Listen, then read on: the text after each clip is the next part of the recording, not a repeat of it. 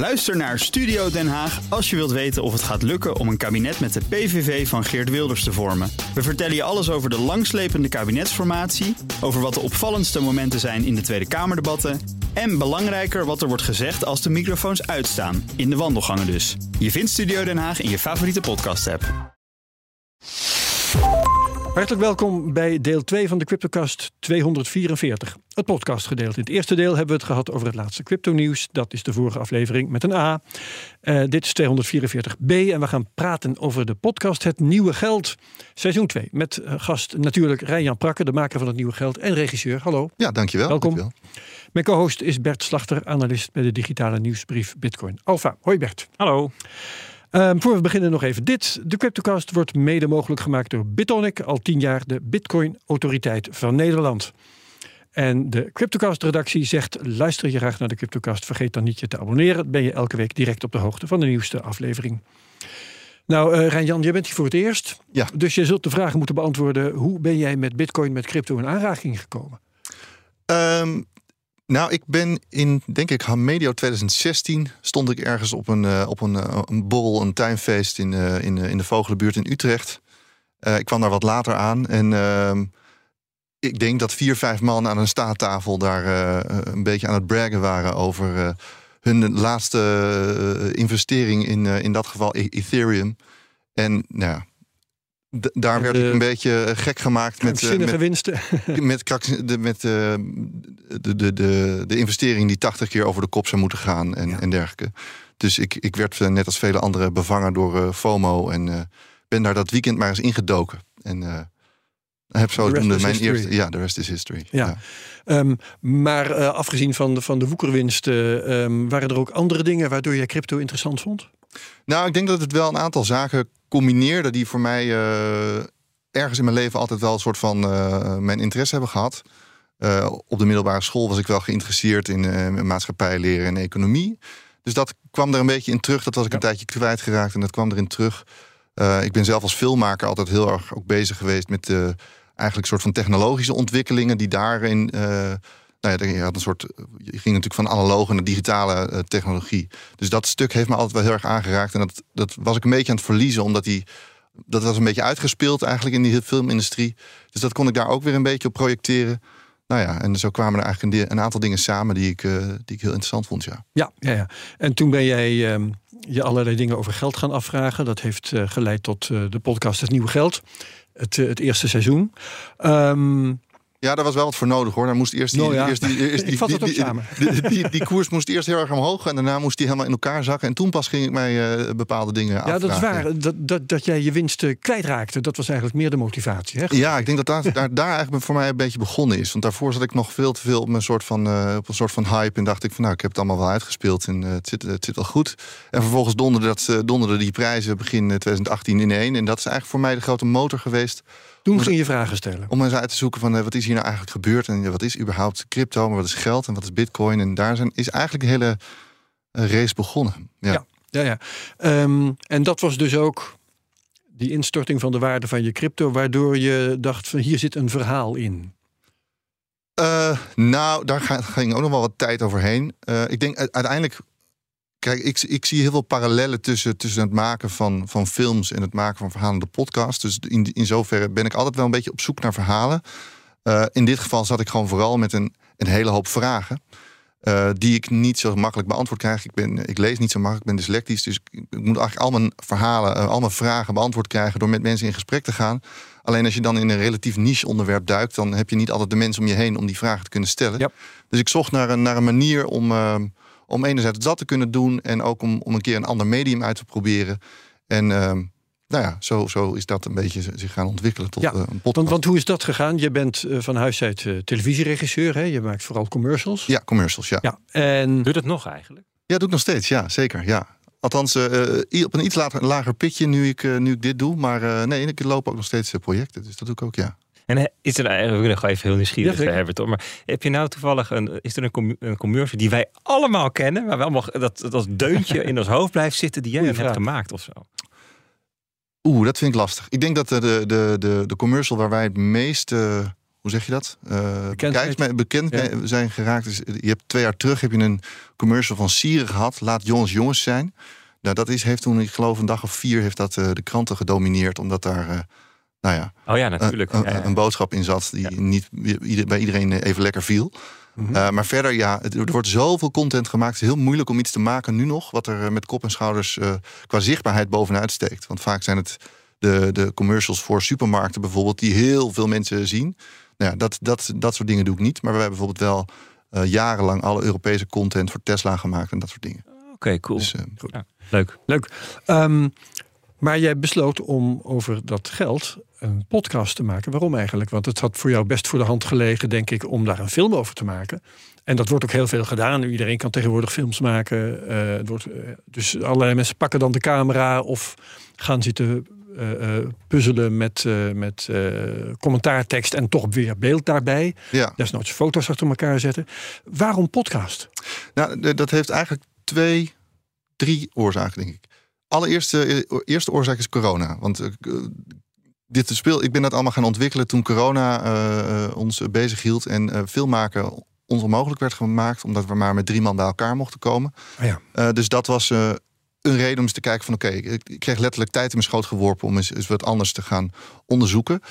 daarbij heb ik, ben ik altijd als filmmaker heel jaloers geweest op, op, op cameramannen die in hun vrije tijd lekker een fotocamera konden pakken en gewoon eens even wat mooie plaatjes konden schieten. En dat vond ik, dat werd, was voor mij als regisseur dat heel lastig. Want je, ja, je kan niet even in je eentje film gaan maken. En ik zag hier in, in deze verhalende podcast in één keer een manier om toch in mijn eentje de wereld in te trekken en een, en een verhaal te gaan maken. Dus dat vond ik er ook heel interessant aan. Ehm, ja, en ik zie dus heel veel parallellen ook gewoon in het maakproces. Uh, ik kom daar eigenlijk ook nu tijdens het maken ben ik erachter gekomen dat ik een hele auditief gedreven filmmaker was al die tijd. Dus ik ben heel erg uh, op teksten, die probeer ik aan elkaar te lijmen en dat soort dingen. Dus dat, uh, dat vond ik ook wel heel erg leuk aan om dat op die manier eens uit te proberen. Ja, ja. wat verder opvalt, um, dat is dat je uh, in die podcast eigenlijk je eigen leerproces volgt. Ja. Um, is dat ook inderdaad wat er gebeurt? Is, ja, is dat een, een vorm die je hebt gekozen achteraf? Of is het inderdaad hoe het historisch gegaan is? Nee, dat is, wel, dat is denk ik de enige manier waarop, waarop ik het kan doen. Omdat ik uh, dus wel interesse heb in dit onderwerp, maar ja, er niet voor gestudeerd heb, wat dan ook. En ik wilde het wel een bepaalde vorm geven. En ik hou er zelf altijd van. Um, Joris is een journalist die dat ook vaak doet in zijn werk. Als je iemand echt meeneemt in een, in een leerproces, want dan kan je dan, dan, dan, dan uh, kijken hoe leg, hoe leg je dat uit. Ja, dan word je onderdeel van het verhaal en van de keuzes die iemand daarin maakt. En dat vind ik zelf heel erg uh, prettig werken. Dus uh, ja, vandaar. Ja. Um, wist je ook hoe je een podcast moest maken eigenlijk? Want het is toch wel, een, uh, als ik het zeggen mag, een iets ander vak dan het maken van video's. Um, nee. je vond het niet uitmaken? Nee, ik, vond, ik, ik zie dus echt wel heel veel parallellen. Het, het, grote verschil is, en, uh, is dat je zeg maar de, en dan maak ik wel even verschil tussen wat, wat jullie hier doen. Dat is denk ik een heel ander vak weer dan de verhalende podcast. Ik denk dat dat uh, echt uh, een onderscheid is wat, wat, mij, uh, wat, mij, wat, wat heel hard is voor mij. Dat dit is een heel ander vak. Um, maar de, de, de, de, de parallel met een documentaire, videodocumentaire, is eigenlijk best wel makkelijk te trekken. Mm -hmm. Het enige wat je moet doen is je moet hetgene wat je in beeld normaal gesproken zou zien, moet je uh, auditief maken. Dus je moet mensen meenemen in een verhaal door dat verhaal beeldend te maken. Ja. En dat aan zich vind ik wel erg leuk om te doen. Dat is wel een soort leuke gedachteoefening. En moet, je ook vaak, moet ik ook vaak in mijn reclamewerk al doen. Omdat je, uh, als je een script schrijft, heel erg beeldend moet maken. Moet vertellen eigenlijk wat je in beeld gaat zien. Dus daarin was ik ook al, had ik ook al een zekere oefening. Um, dus ja, nee, daarin was het eigenlijk best wel uh, een makkelijke stap. Ja, want, want eh, maak je dan een soort van uh, verhaal, dat heb je dan, zie je dan voor je. En dan ga je daarna de stukken die je hebt opgenomen daarbij zoeken. En dan ga je net zo lang schaven totdat het helemaal mooi is. Is het echt polijsten op die manier? Of, want uh, je zegt er zit een harde grens met dit. Dit is eigenlijk meer radio. Het is gewoon één, hè, het, is, het is een one-taker ja, zeggen we. Precies, ja. Van ja. A tot Z en dan is het klaar. We voeren een gesprek en dat zetten we live. Ja, ja. ja, veel spannender wat mij betreft ook. Uh, dit, ja, ja, snap ik. He, want ik, ik kan heel erg polijsten en, en zitten stoeien. En dan denk ik na een tijdje, nou nu ben ik wel tevreden. En dan Dan doe ik er een strik omheen en dan gaat hij naar iemand anders toe. En dan mag die er nog weer van, van vinden en dan komen we weer terug. Ja, kijk, En- ik denk andersom, Jan. Wij, als er hier iets misgaat, zeggen ja, pff, het is, een, het is live. the game, ja. Dus ja, en eh, bij jou, als er bij jou iets mis denk ik, ja, maar hij heeft er wel heel lang over nagedacht. Nee, daarom. Ja, Dus- alles dus- moet kloppen. Nee, dat is zeker waar. Dat is zeker waar. Wat was nou je oorspronkelijke vraag? Nou, eh, is dat ook hoe je te werk gaat? Dat je helemaal Ah, ja. een soort een, een, een, een- hè? Ja, dat, dat, dat verschilt wel heel erg per, eh, per seizoen eigenlijk. Voor, het klinkt misschien een beetje hetzelfde qua, qua vorm. Maar de, de manier van werken van dit tweede seizoen was heel anders dan het eerste seizoen. Het eerste seizoen ehm, had ik eigenlijk een hele hoop denkwerk al gedaan. Hobbymatig, zeg maar, in de, in, de, in de drie jaar voor. Omdat ik gewoon al heel lang tot dat onderwerp aan het verhouden was. En was het vooral een kwestie van naar die persoonlijke lijntjes zoeken die ik belangrijk vind om, om dat verhaal te kunnen vertellen. Eh, dus ik heb, dat, ik heb dat letterlijk, al mijn teksten en ook alles van de mensen die ik ging spreken, heb ik vooraf uitgeschreven. Dat is dan waar ik mee begin. Het is een heel script, 90 pagina's, ehm, heb, ik, Wow. heb ik uitgeschreven. Vervolgens kom je er in gesprek achter dat mensen hele andere dingen zeggen die je dan denkt dat ze zouden kunnen gaan zeggen. Maar dat was voor mij een manier om een soort van houvast te creëren, om zekerheid te hebben van oké, ik heb controle over hetgene wat ik wil vertellen en wat ik wil maken. Dit wordt de inhoudelijke lijn. Ja. Eh, nou, tweede seizoen ben ik daar sowieso ietsje zekerder van dat ik dat op een andere manier niet zo tijd in tijdrovend hoef te doen als, als deze manier. Maar ik moest ook nu in een veel hoger tempo eigenlijk me bepaalde stof eigen maken. Waar ik niet al drie jaar hobbymatig mee bezig was. Hmm, ja. Dus in dit geval eh, heb ik heel erg gezocht naar persoonlijke lijntjes met bepaalde onderwerpen. Ehm, en vanuit daaruit heb ik gewoon vooral niet 90 pagina's aan script geschreven, maar ongeveer 90 pagina's aan vragen uitgewerkt. En ehm, zijn mijn gesprekken die ik met, met, met eh, economen, bankiers en dergelijke heb gehad, zijn ook vele malen langer geweest dan eh, in het eerste seizoen. Toen konden ze ook wel eens anderhalf uur duren. Maar nu was het vaak twee uur, drie uur. En zag ik mensen ook halverwege zo van gast, hou, hou even op. Maar ja, ik, ik, ik moest het eruit halen, want ik, ik Ja. kan het niet zomaar ergens anders uithalen. En je moest je materiaal nog verzamelen. Ik moest mijn materiaal verzamelen en vervolgens moet je dan kijken van oké, want ik, ik, ik probeer ook altijd zeg maar ehm, dezelfde set vragen bij twee of drie verschillende mensen neer te leggen, zodat ik ook daar de verschillen weer tegen elkaar af kan wegen. Eh, en al dat soort dingen heb ik nu een beetje in een soort van snelkookpanproces eh eh, ja, op een hele andere manier moeten doen. En heeft dus dat eigenlijk dat script schrijven, heeft zich veel meer aan de montagetafel heeft dat plaatsgevonden. Dus Ja. moest ik daar gaan kijken van oké, wat heb ik nu? Ja, dan heb je voor een aflevering spreek ik gauw drie tot vier mensen, keer twee tot drie uur aan materiaal. En dan moest ik me daar toe gaan verhouden. Dus een heel ander maakproces, maar eh desalniettemin eh Ja. heel leuk om te doen. Ja. De nieuwe serie die gaat over eh, begrippen als eh, rente en eh, betalen en dergelijke. Hè. Ehm, bedenk je dan van tevoren zelf hoe je die zaken wilt uitleggen en andere dingen die daarbij komen kijken? Of ontstaat het idee hoe je iets uitlegt in jouw gesprekken met de deskundigen? Ehm, Derivaten, hè, dat soort. Nou ja, dat is hoe- best een beetje ingewikkeld, zo nu en dan. Ja, het is, het is, het is een complexere materie eigenlijk dan het eerste seizoen. Ja. Ehm, nee, ik denk dat ik in de kern probeer iets, iets te begrijpen. Dus ik probeer te begrijpen wat een derivaat is en waar dat mis kan gaan. En vervolgens ga ik mensen uitvragen en, en kom ik ook in dat gesprek tot heel veel dingen die ik gewoon niet begrijp. Dus dan vraag ik door en dan vraag ik door. Eh, Ja. Maar dat wordt een niet zo'n heel interessant gesprek om dat, eh, om dat integraal uit te zenden. Dus ik probeer zeg maar al die, die soundbites die voor mij in één keer een hele hoop he- helder maken, die zet ik eigenlijk op een rij. Ja, en dan moet ik bruggetjes gaan maken. Ja. En, eh, en dat is dan wat ik doe. En en nou, die bruggetjes maken is dan niet zo gigantisch moeilijk meer. Op het moment dat iemand anders heel duidelijk weet te maken eigenlijk nou ja, hoe de vork in de stil Ja. zit. Ik heb nog een vraag over vorm. En dat is dit. Ehm, als je kijkt naar eh, veel hedendaagse video. eh, denk aan talkshows. Denk aan wat influencers allemaal doen op YouTube. Hè, dus over, het hele spectrum. Bestaat het hoofdzakelijk uit pratende hoofden. Dus waarom heb jij niet gewoon er ook een camera bij gehouden? eh, en heb je meteen een documentaire gemaakt? Nou, dat komt dus vooral vanwege die persoonlijke lijn die er ook doorheen zit. En ten eerste was het op dat moment dus niet in vragen, want eh, filmen was onmogelijk. Nou ja, de, de film Eh. was onmogelijk omdat je ehm, met, niet, niet met een hele ploeg bij elkaar kon staan. Maar sommige mensen gebruiken geen ploeg. Die eh, doen het gewoon in, allemaal in hun eentje. Dus dat had technisch wel gekund. Nee, ja goed. De, die manier van filmmaken is er, is er natuurlijk ook. Maar ik vind het zelf interessanter om iets te maken wat dan ook visueel mij dusdanig aanspreekt. Oké, dus een kwaliteitseis. Ja, Ja, dat, ja, ja, dat- ja. Dat je ervoor gaat zitten. Hè? Dat je precies. Ja. Ik wil dan wel. En wat het leuke is van een podcast, is de, en dat is wel echt het bevrijdende voor mij als eh, filmmaker om met zo'n podcast bezig te zijn. Op het moment dat ik eh, nu opschrijf, ik zit in een vliegtuig en ik ga daar en daarheen, kan ik dat met een paar simpele audiotechnieken, kan ik, jou, kan ik een soort beleving creëren waarbij ik dat kan doen. Op het moment dat ik dat als filmmaker zou doen, dan wordt het gelijk door de producent wordt het afgeschreven. Zegt ja, jongens, we gaan echt niet nu een vliegtuig. Sorry, dan zijn we al eh, 3,5 ton verder. Ja. ja, Eh, dus ja, verzin maar iets anders. Dus ik kan heel veel vrijer zijn in het denken. En in dit geval kan ik dus ook heel vaak teruggrijpen naar het verleden. Waar je dat in een documentaire veel moeilijker kan doen. Omdat je gewoon ja, afhankelijk bent van het materiaal wat, ze waar je, je ouders ooit foto's van hebben gemaakt, bij wijze van spreken.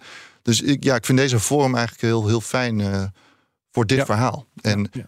Neem niet weg dat ik wel heel graag een keer een, een, een- documentaire, filmdocumentaire wil maken hoor, op dit thema. Dus eh, iedereen die nu luistert. En, Sponsors eh, zijn welkom. eh, ja, ja of, of producenten of omroepen. Ik vind alles, alles goed. Dus Ja. nee, ik wil heel graag hier wel mee ook eh, eh, een film gaan maken. Zeker. Cool. We moeten eh, ook nu en dan even over crypto hebben in dit programma. Wat ik eh, wel leuk vind om eventjes bij de kop te nemen. ehm, in het eerste seizoen kun je zelf onder woorden brengen wat jouw conclusie nou eigenlijk is geweest over bitcoin, over crypto. Nou, uiteindelijk denk ik dat het heel wenselijk kan zijn in een, in een wereld waar. Ik, ik, ik onderzoek een wereld waarin eh, eh, Bitcoin en cryptovaluta misschien eh, 10, 20 jaar verder is. Dus misschien nog Mhm. iets, ietsje volwassener is dan dat het nu al is. En in die wereld kan ik me heel goed voorstellen dat het heel wenselijk is om een parallel systeem te hebben naast het bestaande systeem. Omdat het ervoor zou kunnen zorgen dat de, de, degene met de macht eh, gedisciplineerd kunnen worden. Dus op het moment dat je een geldsysteem hebt eh, naast het, het bestaande geldsysteem, waarin er niet een enorme monetaire inflatie zou eh, mogelijk is, zoals bij Bitcoin, omdat je een vaste hoeveelheid munten hebt, zou dat ervoor kunnen zorgen eh, dat, dat mensen daar naartoe zouden vluchten op het moment dat er in het bestaande geldsysteem wel in één keer een, een Ja, enorme Dus is, monetaire eh, inflatie. een, een beveiliging voor, ik zal maar zeggen, de burger. En tegelijkertijd, eh, nou, misschien zelfs voorafgaand daaraan, ehm, houdt het centrale bankiers en dat soort volk bij de les. Dat ze niet zodanig de fout ingaan dat die burger daar ook gebruik van maakt. het bestaan van die optie zorgt inderdaad, denk ik, eh, of zou kunnen zorgen dat dat elkaar eh, wat meer in, eh, in balans houdt. Ja, ja. is dat vol- volgens jou, Bert, ook de- verdienste van Bitcoin? Of denk jij daar toch iets aan? Zie zie jij een grotere rol voor Bitcoin in de verdere toekomst? Ja, ik, ik, ik, zie heel veel rollen en heel veel perspectieven op Bitcoin. Ehm, ik denk dat we dat wel kunnen vergelijken met het internet in de jaren negentig. Dat je ook zegt van ja, wat is dit voor ding? Is het een communicatiemiddel? Is het een medium? Is het een applicatieplatform? En het is het eigenlijk allemaal. Hè? En, en Ja. het zijn verschillende manieren waarop. Kijk, eigenlijk als, als je nu vraagt, 2022, aan mensen wat is internet? Ja, dan is er een soort van. We hebben een soort collectief eh, gevoel bij wat het eigenlijk is. En dat is het, het, manifesteert zich op allerlei manieren in ons leven. Nou, ik denk dat Bitcoin ook die kwaliteit heeft om zich op allerlei manieren te manifesteren. Waar, waaronder als disciplinerend middel voor machthebbers. Dat is een van de manieren, een van de rollen die het kan hebben. En eh, je noemt de, de, de geldhoeveelheid, hè, maar je zou ook kunnen denken, bijvoorbeeld eh, bij digitaal centrale bankgeld, waar je geld straks programmeerbaar wordt hè, en allerlei bestedingsvoorwaarden kan hebben. Ik, die, die bestedingsvoorwaarden die kunnen best lelijke ehm, eh, vormen krijgen. Ja, in Europa natuurlijk niet, want we hebben hele betrouwbare bestuurders en zo. Sure, hè, ja, maar, maar goed. eh, Zelfs al zou je dat, dat, dat daadwerkelijk denken dat, dat onze leiders nooit in de, in de hele komende 300 jaar niet in de fout zouden kunnen gaan. Op andere plekken in de wereld ligt dat anders. Hè? En ehm, ehm, nou ja, je kunt, kunt dingen maken als geld met een houdbaarheidsdatum. Of wat je alleen maar Ja. kunt besteden aan voedsel. Of wat, ehm, wat je, dat je niet kunt besteden als je over je CO2-budget heen bent. Of nou, noem het allemaal maar op. En het bestaan van een open alternatief, een onafhankelijk neutraal alternatief, waar iedereen zonder toestemming te vragen gebruik van kan maken, als dat bestaat, ja, dan, dan, dan, is, dan, leg, dan geeft dat een soort van grens aan hoe lelijk je het geld kunt maken. Dus, en dit is ook een, de, eigenlijk de invalshoek van Mahir Alkaya, hè, hoe- waarom Mhm. hij zegt van nou, het is waardevol hè, dat we naast het privaatgeld van de banken en het publiek geld van de overheid ook ja, een open alternatief als bitcoin eh, de ruimte geven. Ja, Jeroen Martijn van der Linden zit ook eh, vergelijkbare dingen. ja. Op die eh, lijn. Ja, Ja. ja. Oké, ehm, terug naar jouw tweede seizoen. De, de nieuwe podcastserie die er nu ligt. eh, gaat dus over, ja, meer over het financiële systeem in het algemeen. Ja. Eh, heb jij daar eigenlijk een definitie van? Wat is het financiële systeem? Nee, ja, dat is, dat is dus heel lastig. Eh, En ik denk dat er ook weinig zijn die, daar, die dat wel, tenminste, ik heb ze niet gesproken, die dat wel heel helder in, in twee zinnen kunnen definiëren. Maar wat mij heel erg geholpen heeft, is uiteindelijk. Ik, ik probeer altijd. Ik heb kleine soort van eh, hintjes die ik uit bepaalde eh, stukken of gesprekken haal, die voor mij in één keer een hele hoop op zijn plek eh, zetten. En zo heb ik een, een rapport van, het, van de WRR, van de Wetenschappelijke Raad voor het Regeringsbeleid, gevonden. En daar stond één zinnetje. even kijken, wat stond er? De financiële sector bestaat in de kern uit vier diensten: financieren, sparen, lenen en betalen. Ah, En dat zijn een soort van snelwegen geworden op, op, op, op waterwegen, op de, op de landkaart van, het financiële, van de financiële sector die ik eh, heb uitgetekend. En, en dat soort dingen helpen mij wel heel erg om het zo eigenlijk overzichtelijk en simpel te maken.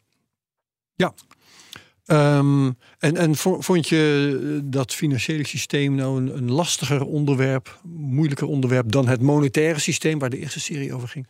Om, om Ja, er, zit gewoon, er zitten gewoon heel veel meer eh, spelers, meer facetten. Eh, wat, ik dus wat ik probeer te doen eigenlijk is elke keer te beginnen eh, op een soort microniveau, namelijk op mijn eigen niveau. Ik ben bijvoorbeeld naar, eh, naar een, eh, naar een commerciële bank gegaan met mijn eigen hypotheek onder mijn, onder mijn, onder mijn schouder, onder mijn oksel. Om te vragen van oké, waar is mijn hypotheek en waar zit die in het systeem? Om vervolgens vanuit daaruit te gaan, gaan praten over securitiseren. En vanuit daaruit kan je dan weer gaan praten over bankbalansen en, en het eigen vermogen binnen, binnen een bank. Ehm, maar daar, je komt langs zoveel terminologieën dat je gewoon heel veel eh, ja, letterlijk tijd kwijt bent om al die dingen waar je op afkomt, om die uit te leggen. En in die zin zijn thema's als inflatie eh, zijn wat behapbaarder. Dus ik denk wel dat deze zoektocht een stuk complexer is. Ehm, de afleveringen zijn ook over het algemeen langer. Mhm, ja. Ehm, maar desalniettemin eh ja, was, was het, heeft het me wel heel veel gebracht. Ik heb nu wel veel meer een... Eigenlijk met deze twee seizoenen samen heb ik nu wel een beetje het idee dat ik begrijp hoe de wereld werkt. Kijk eens even aan. Klein beetje. nu alleen de luisteraars nog. Ehm, wat, wat, ik, wat ik leuk vind om dan eh, nog van je te horen is... ehm, heb je ook nog nieuwe inzichten opgedaan over crypto? In dat nieuwe deel. Nou, wat, wat vooral denk ik bij mij blijft hangen, is eigenlijk de, de noodzaak tot decentralisatie. Ik denk dat, dat daar ga ik ook veel meer eh, in de laatste afleveringen beweeg ik meer die kant op. Dat ik, ik heb een, eh, een lezing bijgewoond van, eh, van Yanis Varoufakis. En die heeft bij mij, ja. voor mij heel veel. Griekse minister, ex-minister. ja, die heeft bij mij heel veel in beweging gezet, omdat hij daarin heel duidelijk over het voetlicht kon brengen hoe afhankelijk we zijn eigenlijk vandaag de dag van private partijen eh, op het gebied van eh, financiën, maar ook op het gebied van informatietechnologie, dat soort dingen. Dus om daar een soort decentrale kracht tegenover of parallel naast te zetten, eh, ik, ja, daar ben ik wel veel meer van overtuigd geraakt hoe, hoe noodzakelijk dat zou kunnen zijn in de toekomst. Of eigenlijk nu al, maar dat dat zich verder ontwikkelt. Wa- Wat zijn de factoren die dat noodzakelijk maken? Welke risico's, gevaren, dreigingen zie je dan? Nou, het, het, het feit dat je geen. ehm, eh, ja, dat je als, als, als burger, als samenleving, dus geen eh, opt-out meer hebt. Dus dat je, dat je niet zelf eh, de, macht eh, over het stuur hebt in, de, in zekere zin. Ik begrijp dat dit een beetje vaag is. Maar het gaat uiteindelijk over optionaliteit, denk ik. En over, over eigenaarschap. Op het moment dat ehm, mijn digitale identiteit bijvoorbeeld nu feitelijk gezien beheerd wordt door eh, eh, Google en Meta. Omdat, omdat ik bij geen enkele website kan inloggen zonder ofwel mijn e-mailadres van hun vrij te geven, of zonder wel eh, me in te loggen via een, een, een, Facebook-achtige inlogmanier. Ehm, of het feit dat ik nu bij, in, een, in een banksysteem eigenlijk niets kan doen zonder ehm, bij een van de drie grote banken aangesloten te zitten en, en mee te bewegen. In, En waarom is dat erg? Laat ik het anders stellen. Denk jij aan een systeemfalen? Dat het systeem in zijn geheel stopt te bestaan. Dat we dan ineens geen alternatief hebben? Of aan een individueel falen? Dat jij wordt uitgesloten of dat het systeem corrupt wordt. Of dat je gecensureerd wordt of iets in die geest. Of beide. Ja, ik denk, dat, ik denk dat het beide is. Ik, zit, ik, waarde verliest. ik denk dat ik vooral. ehm, ja, het het is nog lastige materie, want ik ben me er dus nog toe aan het verhouden. Maar ik, wat, wat het systeemfalen interesseert me. Ehm, het feit dat omdat je niet meer zelf eigenaarschap hebt over digitale eigendommen, eh, maakt. En omdat je hem zo uit handen geeft, maakt het anderen met die eigendommen van jou eigenlijk aan de haal gaan. Die gaan dat gebruiken op een of andere manier om rendement te maken. Of dat nou gaat over deposito's of dat het gaat over eh, letterlijk je data. Eh, ja, zij gaan, daarmee, zij gaan daar geld mee verdienen. Het feit is dat je daar geen controle over hebt, dat je geen opt-out hebt op dat systeem. Dat eh, lijkt me wel onwenselijk. Ehm, jij hebt ehm, in, eh, in eh, de eerste serie eh, kwam je erachter hoe politiek eigenlijk mo- monetair beleid eh, kan zijn. Hè? Het, het- het- het kan, Ja. eigenlijk, kan eigenlijk niet eens anders. Ehm, leidt dat er ook toe dat jouw eigen politieke ideeën eh, een weg in de podcast vinden? Absoluut. Ja. En hoe, hoe, hoe horen we dat? Ehm, dat hoor je vooral door de, door de, hopelijk vooral door de mensen waarmee ik in gesprek ga. Eh, en niet zozeer door hetgene wat ik dan vervolgens daar vertel. Ja. Eh, maar het kan niet anders dat als je een persoonlijke zoektocht maakt, is dat daar niet een, een deel van mezelf in zit. En daar, Mhm. zit, daar zit ongetwijfeld ook mijn politieke voorkeur. Bepaalt ook welke onderwerpen ik blijkbaar interessant vind of, of wel- op welke knop ik druk. Want je kan eenzelfde zoektocht maken met een andere bril en dan ga je een heel ander verhaal vertellen. Dus dat is on, onlosmakelijk verbonden met wie ik ben en hoe ik denk. Ehm, het enige, de, in de, de, de, belangrijke taak die, die er aan mij, eh, die er bij mij ligt, wat mij betreft, is de, om daar transparant over te zijn, is Ja. over, over hoe ik denk en welke keuzes ik Kun je een voorbeeld geven waar dat naar voren komt? Nou, alleen al bij de keuze. Kijk, ik heb nu eh, gezocht naar een narratief. Van wat is eigenlijk mijn lens nu om, om, om om naar dit financiële systeem te kijken? Ja. En ik heb als lens gebruikt in dit geval financialisering. Dus eh, dat, dat, daar, daar zou je een bepaalde politieke keuze in kunnen zien. Want ik had, ik had ook eh, een andere kant kunnen belichten. Wat, wat is financialisering? Even voor de... De afhankelijkheid van de samenleving eh, ten opzichte van financiële markten. Ik denk dat dat de, de makkelijkste. En hoe, hoe ik dat dan meteen interpreteer, moet je even zeggen of ik dat goed doe. Van, ehm, als je een geld hebt waar je eh, eh, mee kunt sparen, dan heb je eigenlijk verder. De- vroeger had je gewoon gouden munten die zet je deed je in een sok of onder je matras. Dan had je dus geen financiële diensten nodig. Maar dat is nu wel zo. Je hebt nu financiële diensten nodig om eh, de waarde van het geld te houden. Je moet naar een, een, een bank waar je rente krijgt en je moet verzekeren. En is, is, is dat wat je bedoelt? Dat, Ja, het- dus dat, dat het is- eigenlijk nodig is om die diensten te gebruiken? Dat is een deel daarvan. Maar het is ook gewoon eh, letterlijk onze sociale zekerheid die eh, rendement moet, eh, zeg maar via pensioenfondsen rendement moet maken op de, op de beurs. Ehm, op alle mogelijke manieren zijn heel veel mensen op een of andere manier afhankelijk van wat er op financiële markten gebeurt. Eh, gaat het om huizenprijzen of om, om een aandelenportfolio? Iedereen is Eh, verplicht belegger, hè? Ja, Eigenlijk. eh, ja, verplicht en heel veel mensen ook, om, omdat het dus ook werkt in zekere zin, zijn veel meer mensen ook gaan beleggen. De afgelopen tien jaar is alles soort van omhoog gegaan. Dus heb je ook een enorme toestroom van beleggers gezien.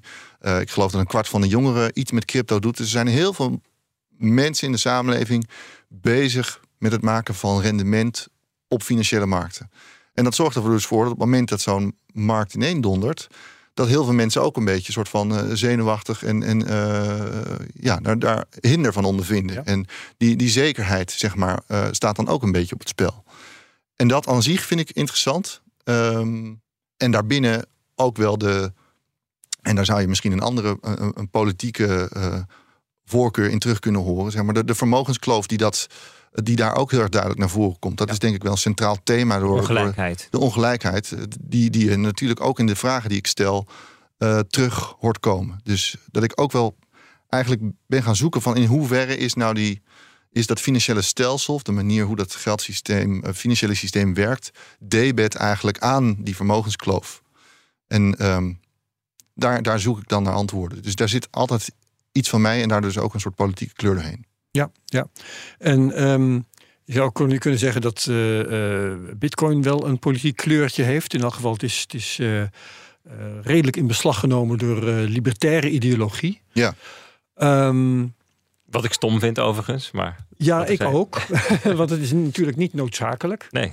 Uh, al was het maar, uh, nou, kijk naar uh, Mahir Al-Kaya, die notabene van de Socialistische Partij is, die ook nog wel een functie. Maar goed, um, die, voor, als je het zo zou kunnen zeggen, politieke kleur van Bitcoin, is, is dat iets wat jou hindert of waar jij um, mee bezig bent, waar jij oplossingen voor zoekt?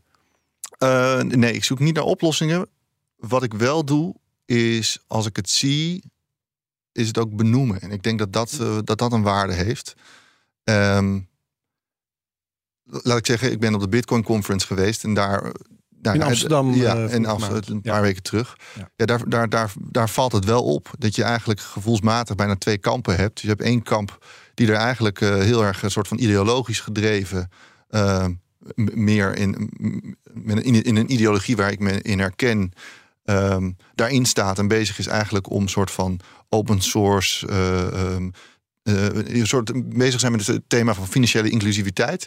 En je hebt een andere groep uh, die daar vooral heel erg als een soort belegger uh, in staat. Ja. En, en roept dat centrale banken allemaal ja, maar die, dat, het die, systeem onderuit schoppen. Die groep is ook ideologisch, maar een andere ideologie. Namelijk die van de staat moet zich zo min mogelijk met dingen bemoeien. Het centraal besturen van een economie, dat is totale hoogmoed. En dan moet je helemaal niet, mee, moet je helemaal niet doen. Dan moet je gewoon overlaten aan de markt. Weet je? En dat, dat, dat, dat, dat libertarische invalshoek, of de Oostenrijkse schoolinvalshoek, die Um, die weer heel anders is dan inderdaad die mensenrechten invalshoek. Ja. Maar zijn wel allebei zitten wel een bepaalde ideologie. Eh, of eh, ja, zeg maar, het is meer dan puur mensen hun werk dat ze hier zitten, zeg maar. Nee, precies. Dus, maar, en ik zie het dan een beetje als mijn taak om, als ik daar rondloop, om die beide dingen die, ik, die me dan opvallen, daar heel erg om, om die te ventileren, om die te laten zien. En uh, ja, hoe iemand vervolgens een luisteraar dan naar kijkt, dat is dan aan hem of haar. Ja. Um, wat was nou jouw. Je hebt nu twee series gemaakt. Ja. Uren radio, maar, maar nou ja, goed, nog, nog veel meer uren opname die je hebt gemaakt en, en uh, gesprekken die je hebt gevoerd. Wat, wat heeft jou nou uh, tot nu toe het meest verrast? Welk inzicht of welke uitspraak? Um, nou, wat ik wel opvallend vind, maar dat is meer een.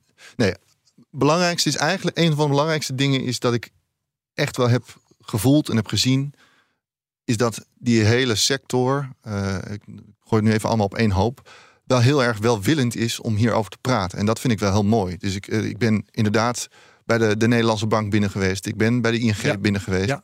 En um, iedereen weet dat het hele complexe materie is, maar we doet wel zijn best om nou ja, het zo begrijpelijk mogelijk te maken. En dat, dat aan de ene kant. Uh, meer aan de andere kant van het spectrum, wat negatiever. Uh, vind ik het wel opvallend dat ik ook een hele hoop mensen heb gesproken die um, nou, bijvoorbeeld dingen als geldcreatie um, ook binnen banken en dergelijke nog, nog steeds niet helemaal in de vingers hebben. Het is ook hele lastige materie. Ik ga er zelf ook nog steeds. Hoe kan het uh, toch in vredesnaam? Ja, het is, het is echt wel heel moeilijk om. Laat ik zeggen, ook ik heb gemerkt dat ik het op sommige momenten even denk te begrijpen. En dan ben ik het een, een, een week later, zit ik er toch weer een, halve dag op te stoeien. Denk ik van, hoe zit het nou ook alweer? En dat merk je wel bij heel veel partijen en mensen in het systeem. Dat het zo'n groot complex geheel is, dat het heel moeilijk is om al die facetten daarvan te overzien en om dat te begrijpen. Ja. En dat maakt dus ook dat het soort van het hebben van controle over wat het systeem is en hoe het zou moeten werken, dat dat een soort illusie is, denk ik. Jij hebt uh, heel veel mensen gesproken die, uh, die uh, ook regelmatig in dit programma tevoorschijn komen. Hè. Nou, Bert Slachter ben ik tegengekomen bijvoorbeeld. maar ook Simon Lelyveld, Mahir Alkaya hebben we genoemd. Teunis Broosens. Ja. nou, dat kun je een hele tijd doorgaan. Willem Middelkoop bijvoorbeeld. Um, ben je die nu gaan zien inderdaad als, als, als mensen die het weten? Of zijn die eigenlijk net zo goed zoekend zoals jij dat bent?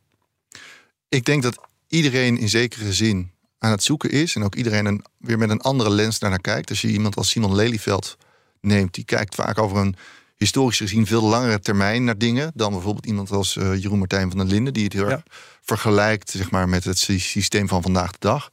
En ik denk dat al die, um, die zienswijzen je enorm veel kunnen leren. En ik probeer daar zoveel mogelijk hintjes van uh, in de podcast te stoppen. En tegelijkertijd moet ik ook een verhaallijn bewaken.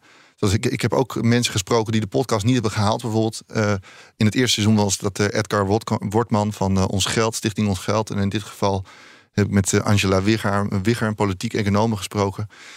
En ik heb ontzettend veel van die gesprekken geleerd.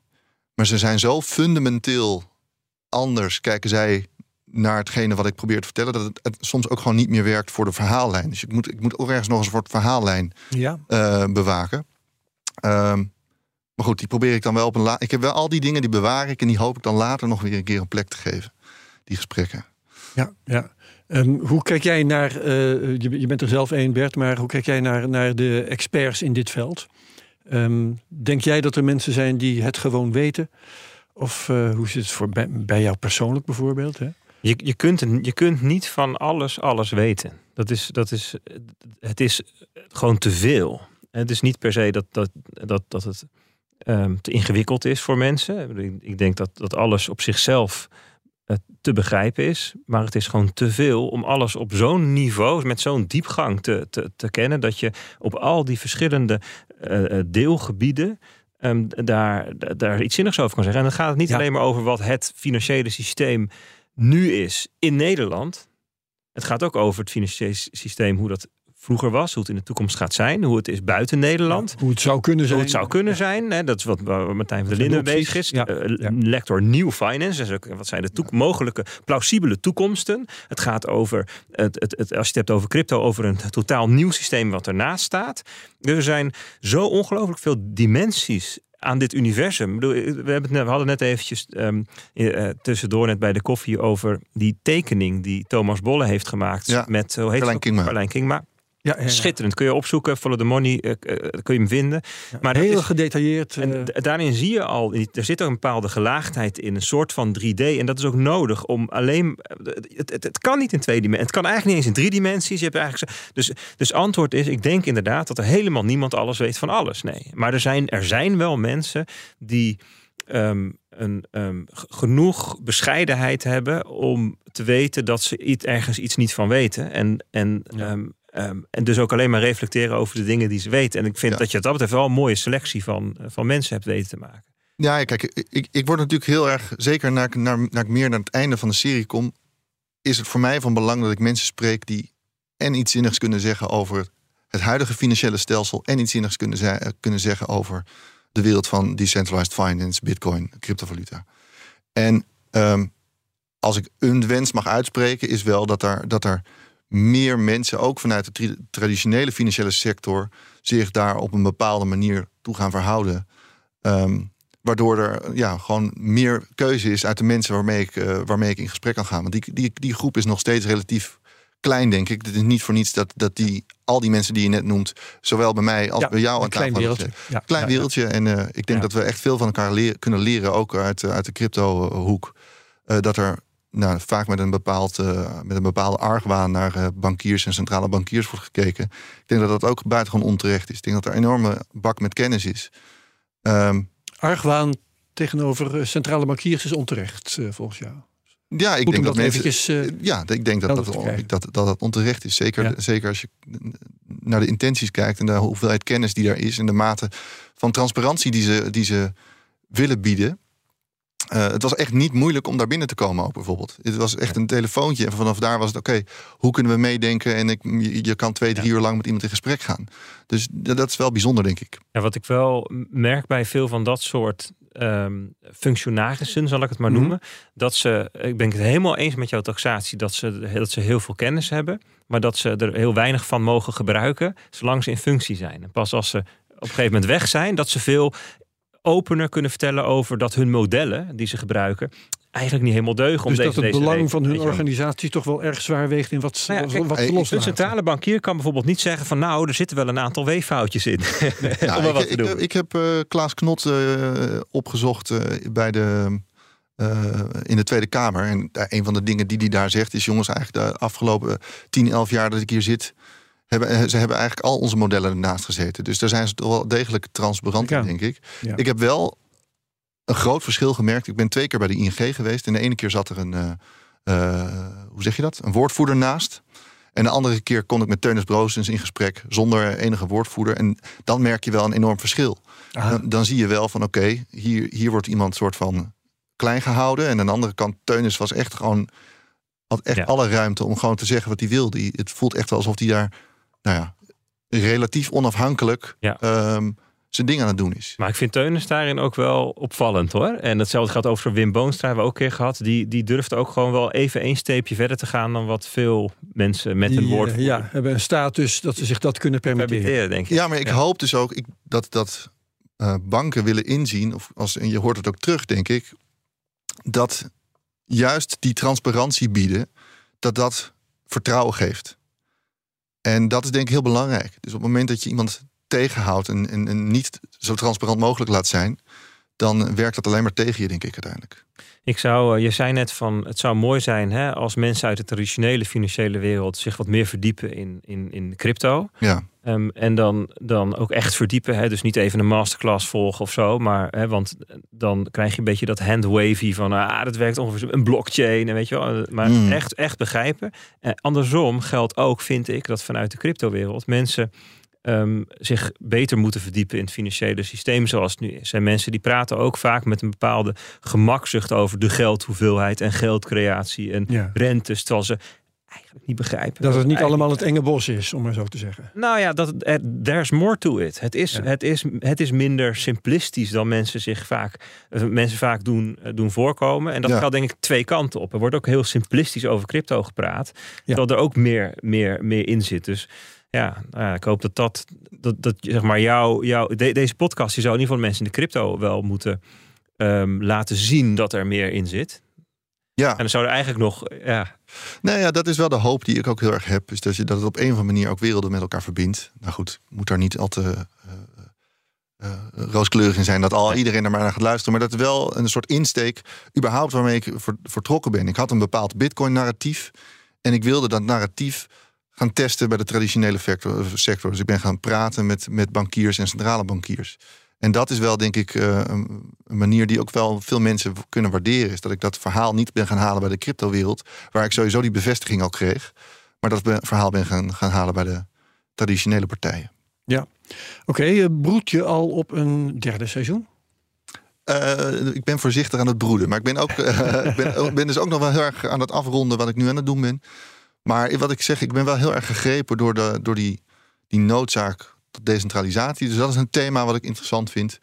Dat, Eh, is een, dat is een noodzaak die jij hebt vastgesteld. Ja, ik, heb wel gezien dat we, een, dat we een, financieel systeem hebben. wat steeds beter gaat werken naarmate je meer hebt. En daarmee automatisch zorgt voor machtconcentraties eigenlijk. De big, big finance, big tech, eh, big pharma wellicht ook.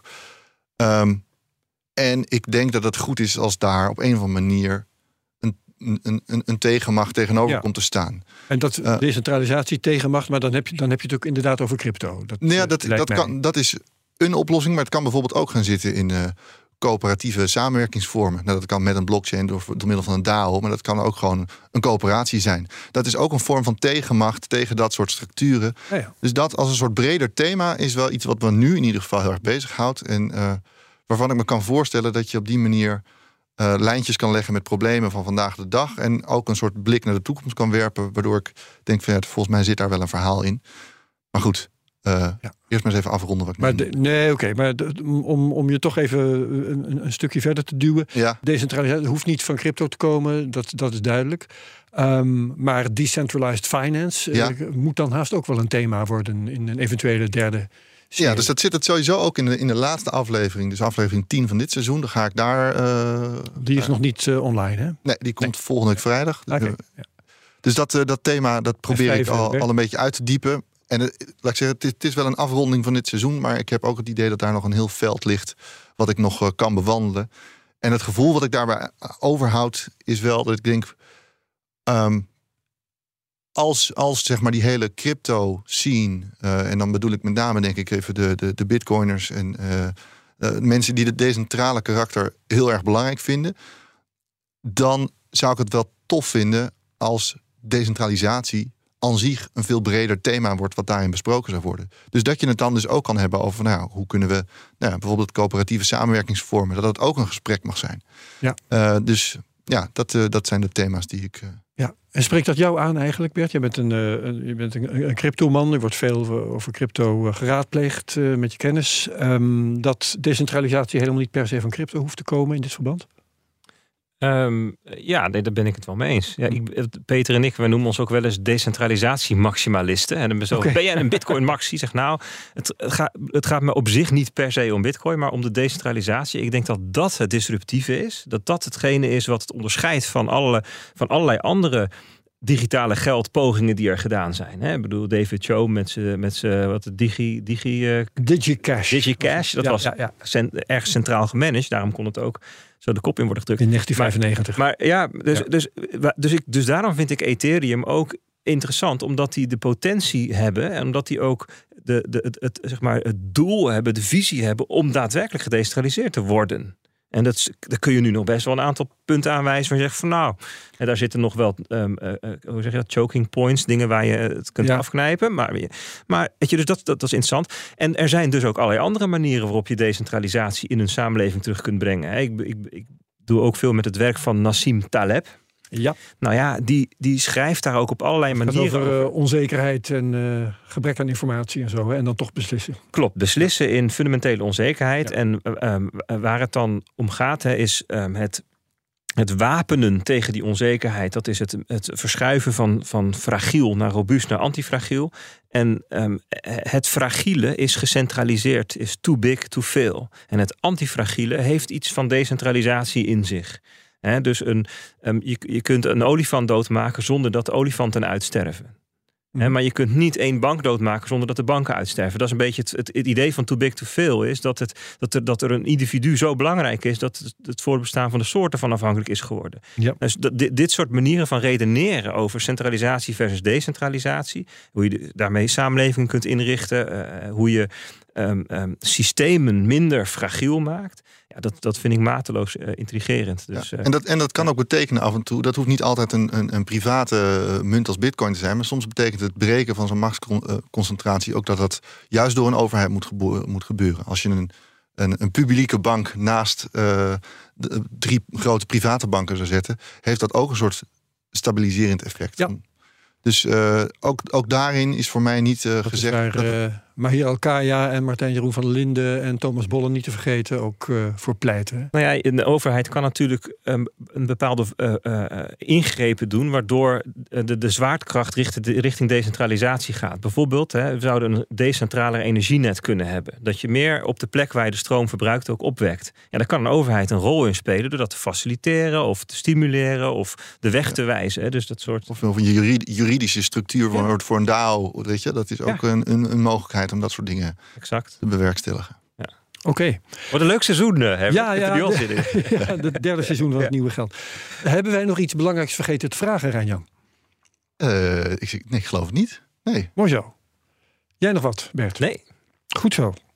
Dan eh, beëindig ik hierbij deze CryptoCast. Dank Rijnjan Prakke van Dank het je wel. nieuwe geld. Ehm, allemaal te vinden bij BNR, maar ook op alle podcastplatforms. En daar hoef ik verder niet, eh, geen woorden aan vuil te maken. Dank Bert Slachter, die mijn co-host was. Volgende week wordt leuk. Dan gaan we ongegeneerd praten over voetbal. Ja, ja. Met Pieter McCormack. de Hmm. Bitcoin-podcaster die zijn eigen voetbalclub gekocht heeft. Real Bedford FC. Ze staan stijf bovenaan in hun divisie. Op een Ja, 14e ongelooflijk divisie, laag geloof ik. Nee, tiende of zo. Oh, Oké. Heel laag, maar wel bovenaan. Eh, Daniel Mol is dan mijn co-host. Vergeet deze CryptoCast niet te delen met je volgers op Twitter. Gebruik de mention at CryptoCast.nl. Op Apple Podcasts kun je reviews achterlaten. Eh, fijn, dan kunnen wij beter gevonden worden. Like, subscribe en comment op YouTube. En voor de rest, hartelijk dank. En tot volgende week bij de CryptoCast. Hoi.